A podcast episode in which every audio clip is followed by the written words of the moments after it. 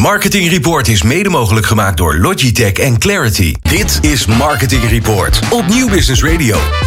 En onze gast is Rutger Tuit. Hij is Head of Brands en Marketing Partners bij Google Nederland. Welkom in de studio. Dankjewel. Goed dat je er bent, man. Zeker. Echt leuk. En jij zei, uh, het is een superleuke tijd vol veranderingen. ja. ja, nou, vertel even. Nogal. ja, ja, waar te beginnen? Waar te beginnen? Um, ja, ik, het is een superleuke tijd om in het, uh, in het media en het marketingvak uh, uh, te zitten. Ja, Volgens ja. mij maakte ik het vergelijken in ons gesprek. Het is net een aflevering van Ik Vertrek. Ja. We wisten allemaal als marketeers wat we wilden, wat we gingen doen.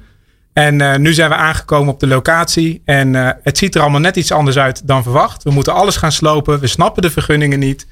Um, het wordt gewoon even opnieuw beginnen en doorbikkelen. Um, er zijn eigenlijk drie hele grote dingen aan de hand. Eigenlijk zijn er wel vijf hele grote dingen aan de hand. Maar ik beperk me even tot drie, ja. uh, drie grote, grote verschijnselen. Mm -hmm. Kijk, uh, online is, is, heeft best wel een, een, een, boost gehad vorig jaar tijdens de, uh, tijdens de hele crisis. En um, waar we nog steeds natuurlijk een beetje in zitten. En in die versnelling zijn consumenten en, en ook online bedrijven zich bewuster geworden van um, onze plichten op het gebied van privacy. En, en, hoe we dat beter kunnen gaan doen. Ja. Uh, dus er is heel veel daar aan de hand. En dat, dat is minder eenvoudig dan, dan dat je soms uh, zou denken. En ik vind het parallel met de, de, de automotive-industrie eigenlijk altijd wel heel treffend. Uh, we moeten in één keer met z'n allen op elektrisch gaan rijden. En dat heeft consequenties voor de fabrikanten, de, de hele toeleverketen. Maar ook voor gebruikers van die auto. Want je tankt niet meer aan de pomp, je laat hem thuis op. Ja. Dus, dus alles wordt eigenlijk anders. Tweede ding wat natuurlijk aan de hand is, is uh, de manier waarop consumenten media zijn gaan uh, nuttigen of zijn gaan gebruiken, is, Mm -hmm. is, is ook heel anders. Uh, dat was al een hele tijd aan de gang, maar ook dat is versneld. En, en verwarrend geworden. En, en verwarrend geworden, zeker Ja. verwarrend geworden. Dus um, wat we daar natuurlijk zien is dat op het grote scherm in één keer on-demand en lineaire tv bij elkaar komen. ik bekijk op mijn telefoon live televisie. Ik luister in mijn auto op de radio een podcast. Ja. Het is allemaal vrij onoverzichtelijk. ja. En dat is eigenlijk de laatste, um, misschien wel de moeilijkste. En, en, ik denk dat daar weinig mensen zich bewust van zijn. Um, dat is gewoon hoe internationaal en breed alles wordt. Dus een, een, een klein lokaal bedrijf in Nederland kan besluiten om een, uh, om een sneaker te maken. En, en vroeger ging je dat maken van een sneaker doen wanneer je, hè, dan groeide je van Nederland als afzetmarkt. Dan ging je een keer kijken in misschien België of in de UK. En langzaam groeide je wereldwijd uit. Maar als jij nou die ene speciale sneaker wil maken die iedereen in de wereld wil hebben.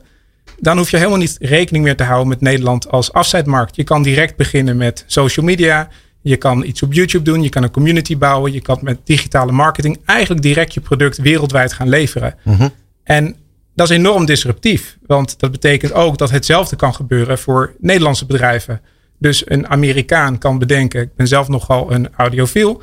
Ik ga een koptelefoon maken die aan dingen gaat voldoen waar maar een heel klein groepje van de wereldbevolking behoefte aan heeft. Ja. En die gaat dat ding produceren. En dat ding landt toch daadwerkelijk bij mij uh, op mijn deurmat. Ja. Uh, vanuit een fabriekje van een vader met zijn twee zoons. Um, dus dat zie je in ja, producten. Prachtig. En, en in media. Uh, Ja. Nicky, Nicky, uh, Nicky de Jager is natuurlijk een fantastisch voorbeeld. Een, een, een Nederlands media-icoon kunnen we er al bijna niet noemen. Dat is direct een Nederlander die internationaal een... Uh, ja, Ja, het is waar. ja, Ja, het is verdomd interessant. De, derde, de, de derde? ja. Dat, dat waren er al drie, hè? Waren het al drie? Ja, het gaat heel snel. Privacy, Ja, privacy. Dan de- de- ja, en de internationalisering van, uh, van aan de ene kant bedrijven, Ja. maar dat zie je dus Ja. ook bij content. nee, Ja. eens. Ja. Ja, en dan eh, hebben we allemaal toestanden met eh, cookies die verdwijnen. Ja. ja, dan kom je eigenlijk een beetje op de. Op de, de we, we weten nu allemaal, denk ik, goed wat exponentiële groei betekent. Dus Mhm. daar eh, ga ik maar geen, eh, geen nieuwe voorbeelden van geven. Kijk, al deze drie dingen kun je met elkaar vermenigvuldigen. Ehm, het was met cookies al best wel lastig om een, een, een goed beeld te krijgen over wat gebeurt er nou in een online middelenmix. Mhm. Maar die cookies waren in elk geval nog relatief consistent over alle eh, platformen en producten heen. Ehm, elk bedrijf nu, waaronder wij, hebben een eigen manier en een eigen visie op hoe maken we het internet privacy safe en voldoen we aan de verwachtingen van consumenten. Ehm, omdat het allemaal net iets anders is, kun je het straks ook allemaal niet meer aan elkaar knopen. Dat wil dus zeggen dat je niet meer te maken hebt met één digitaal kanaal, maar zelfs binnen digitaal een, een, een mega fragmentatie gaat krijgen aan hoe zet je daar de dingen in? Um, kan gelijk een tip geven om het op te lossen. Maar misschien doen we dat later. Want het is altijd nou, leuker om het, uh, ja, probleem eerst even wat groter te maken. Oké, oké, oké. Nee, ja. als, je, als je dat dus vermenigvuldigt met uh, de verwarring die het eigenlijk zorgt. Uh, ik, ik, zit al best lang in het marketingvat en ook vak. En ik betrap me er af en toe ook nog op dat ik denk in de tv-programmering. van dan is het een groot moment. Dan zit heel Nederland achter de buis. Um, dus wanneer ik een mediaplan maak, maakte kon ik altijd nog rekening houden met tijd. En, en, en met name wat er op dat tv-scherm gebeurde als, als hele belangrijke, stabiele factor. Mhm.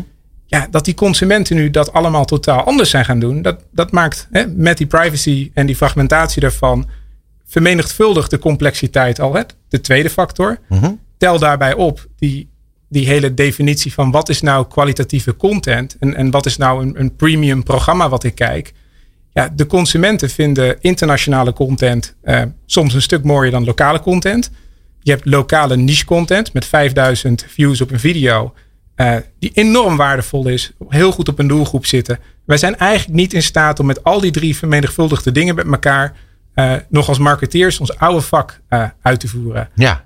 Dus ik zeg wel eens 17 miljoen tv-gidsen. We hadden één tv-programmering. Het zijn er nu gewoon echt 17 miljoen. Ja, ja, ja. Over al die verschillende producten heen. En hoe gaan we dat dan doen?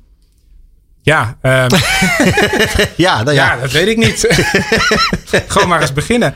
Maar, maar dat, dat, is het wel. Het is eigenlijk wel gewoon uh, beginnen. Ik denk als je achteraf je marketing niet meer aan elkaar kan knopen. Uh, hè, dus ik, kan hem in, ik heb een hele mooie catchphrase in het Engels opgeschreven, maar dat, dat, dat, dat gaan we hier niet doen. We zitten gewoon in een. Uh, maar, maar, je had. Kom maar op hoor. Je gaat van having a single view of a consumer in marketing, ga je naar you need to have a single view on how you're going to do marketing. Mm dus het aan elkaar knopen op basis van datapunten en daardoor zien en voorspellen en targeten. Uh, we gaan naar een model toe waarin je veel helderder moet zijn. Wat is mijn boodschap? Wat is mijn creatie? Wie wil ik als merk zijn? En dat eigenlijk tot in, tot in het laatste details gewoon in de executie goed doen. Uh, en, en dan zie je vaak dat luxury brands daar briljant aan zijn. Uh, en dat al jarenlang doen. Chanel is een fantastisch merk. Wat, wat geen enkele concessie doet over geen enkel van de P's. Mhm. in, in, in hoe gaan we dat uitvoeren. Die zullen dus relatief weinig last hebben van al deze disruptie. Omdat die kern gewoon heel duidelijk is. Dus ik denk dat dat de eerste. Ja, maar die bestaan ook al een tijdje. En, en die zullen ook uh, voorlopig nog wel uh, vorstelijke budgetten hebben. om datgene te kunnen doen wat nodig is. Ja. Uh, maar goed, dat betekent voor, voor kleinere bedrijven, voor start-ups, uh, mm -hmm. uh, best wel een ingewikkeld verhaal, denk ik. Nou, ik, ik vind dat. of juist niet? Nee, juist niet. Je, je ziet juist dat, en, en dat is denk ik ook mijn, mijn tweede tip gelijk. Dus je ziet vaak juist dat in de start-up fase, als een bedrijf start, worden ze heel erg goed in het gebruiken van, van één mediumtype of één platform om, een bedrijf groter te maken. En uh, je ziet eigenlijk dat vanuit een uh, social marketing, en natuurlijk noem ik YouTube een aantal keren, ja. maar dat juist vanuit die platformen, door dat eerst uit te spelen, heel goed in te worden, daar je kern te begrijpen en, en de basis van je bedrijf te zetten, dat je tegenwoordig direct internationaal een, een afzetmarkt kan creëren en een merk kan bouwen. En ik denk dat daar grote bedrijven, uh, er wordt vaak nog steeds gesproken over we zetten online in als extensie van televisie inzet probeer het eens, Podcast Plus. Ik, uh, ik wil het eerste mediaplan wel zien. Hoe zetten we podcast in het midden? Gaan we van daaruit het bereik opbouwen? En voor mij mag Radio Plus ook. Maar, maar probeer eens vanuit een ander vertrekpunt. Probeer jezelf eens te dwingen om vanuit een ander mediumtype iets te doen en te bouwen. Leer dan hoe de andere mediumtypes uh, daarop reageren. Um, en doe dat eens voor de grote kanalen, maar ook wat experimentele kanalen. En in één keer ben je als groot bedrijf aan het opereren als een challenger die nog elke euro omdraait. En kijkt wat, wat werkt nou voor mij het beste en hou, hoe hou ik het simpel. Stappen jullie daarmee ook uit je comfortzone eigenlijk? Als je dat soort adviezen geeft? Ja, gigantisch. Ja, hè? Ja, ja, ja. nee, dat, dat is echt een. Uh, um, ik denk dat dat voor ons een, um, een, een stap uit onze comfortzone is. Omdat we natuurlijk bedrijven proberen om die hele marketingmachine te upgraden en anders te maken. Dat is jarenlang een verhaal geweest van een, een, een groot apparaat waarmee je alles uh, kan Precies. Ja, en, en, daar hebben wij ook een aantal jaar geleden zijn we al een koerswijziging ingezet. Uh, naar een wereld waarin je toch meer binnen privacy safe omgevingen of domeinen marketing gaat uitvoeren. En natuurlijk bieden we nog steeds de tools om dingen uh, met, met, met customer lifetime prediction en dat soort zaken weer aan elkaar te knopen. Um, maar dat is wel meer vanuit een, een, een hoe moet je dat noemen? Een, uh, een, een, een view vanaf de zijlijn op hoe werkt, hoe werkt deze marketing nou voor mij. Dus dat ietsje holistischer en details in de kanalen beter doen is echt een. Uh... Dat grappig, dat betekent dus eigenlijk dat Google een veel, veel, veel dichterbij gaat komen dan, dan, dan ze ooit waren. Dus dat gevoel ja, heb ik ja, een beetje. Ja, ik denk dat we met. en ik denk dat dat eigenlijk iets is wat consumenten al heel lang ervaren. Um, en dat, dat, dat zien we aan YouTube, de groei, het, het, het YouTube in de huiskamer is iets wat we vaak eigenlijk uh, noemen. Wat voor ons ook, ja, natuurlijk wil je dat. En wil je dat de makers die kiezen voor YouTube als distributieplatform ook een, hè, een plek in de huiskamer krijgen. Mhm. Maar we zien dat dat ook echt gebeurd is. En, en dat betekent ook voor ons dat wij die dialoog met hoe, hoe ben je nou als merk op dat grote scherm. Uh, op de juiste manier relevant voor consumenten die vanuit vanaf hun bank. Uh, ja, nee, ja, ja, Bas, geef de vraag. Ja, nou, ik wil het eigenlijk even hebben over televisie. Ja. Dat het online was natuurlijk heel lang nieuw. Maar ja, het is nu zo lang nieuw dat het eigenlijk ook gevestigd is. Ja. En dan vind ik zelf opvallend dat televisie zo, zo eigenlijk keihard overeind blijft staan. Hè? Als je nu zo'n EK ziet, de stereo is volslagen uitverkocht, krijgen gewoon 5 miljoen mensen. En het lijkt nu wel juist een soort van voordeel dat, je, dat het niet on demand is, maar gewoon live en dat iedereen kijkt. En als je uh, marketeers spreekt die zeggen, ja, televisie, massabereik, moet ik toch op televisie zijn. En um, uh, ook al die influencers, ja, hoeveel YouTube-films ze ook produceren, zo gauw ze de kans hebben op televisie te komen, duiken ze er toch bovenop. Ja. Het is toch wel een magisch medium eigenlijk, hoe oud het ook is. Ja, nou, ik, ik denk dat daar ook, uh, weet je, ik zal een van de laatste mensen zijn die zegt dat tv een, uh, een, een, een verloren of een uitgespeeld medium is. Um, ik denk alleen dat je niet het maximale haalt uit een creatief concept of een idee of een merk, wanneer je het als vertrekpunt gebruikt. En wanneer je zegt, hè, dus het kan uiteindelijk het gevolg zijn van een boodschap die je wil, of een campagne die je wil doen.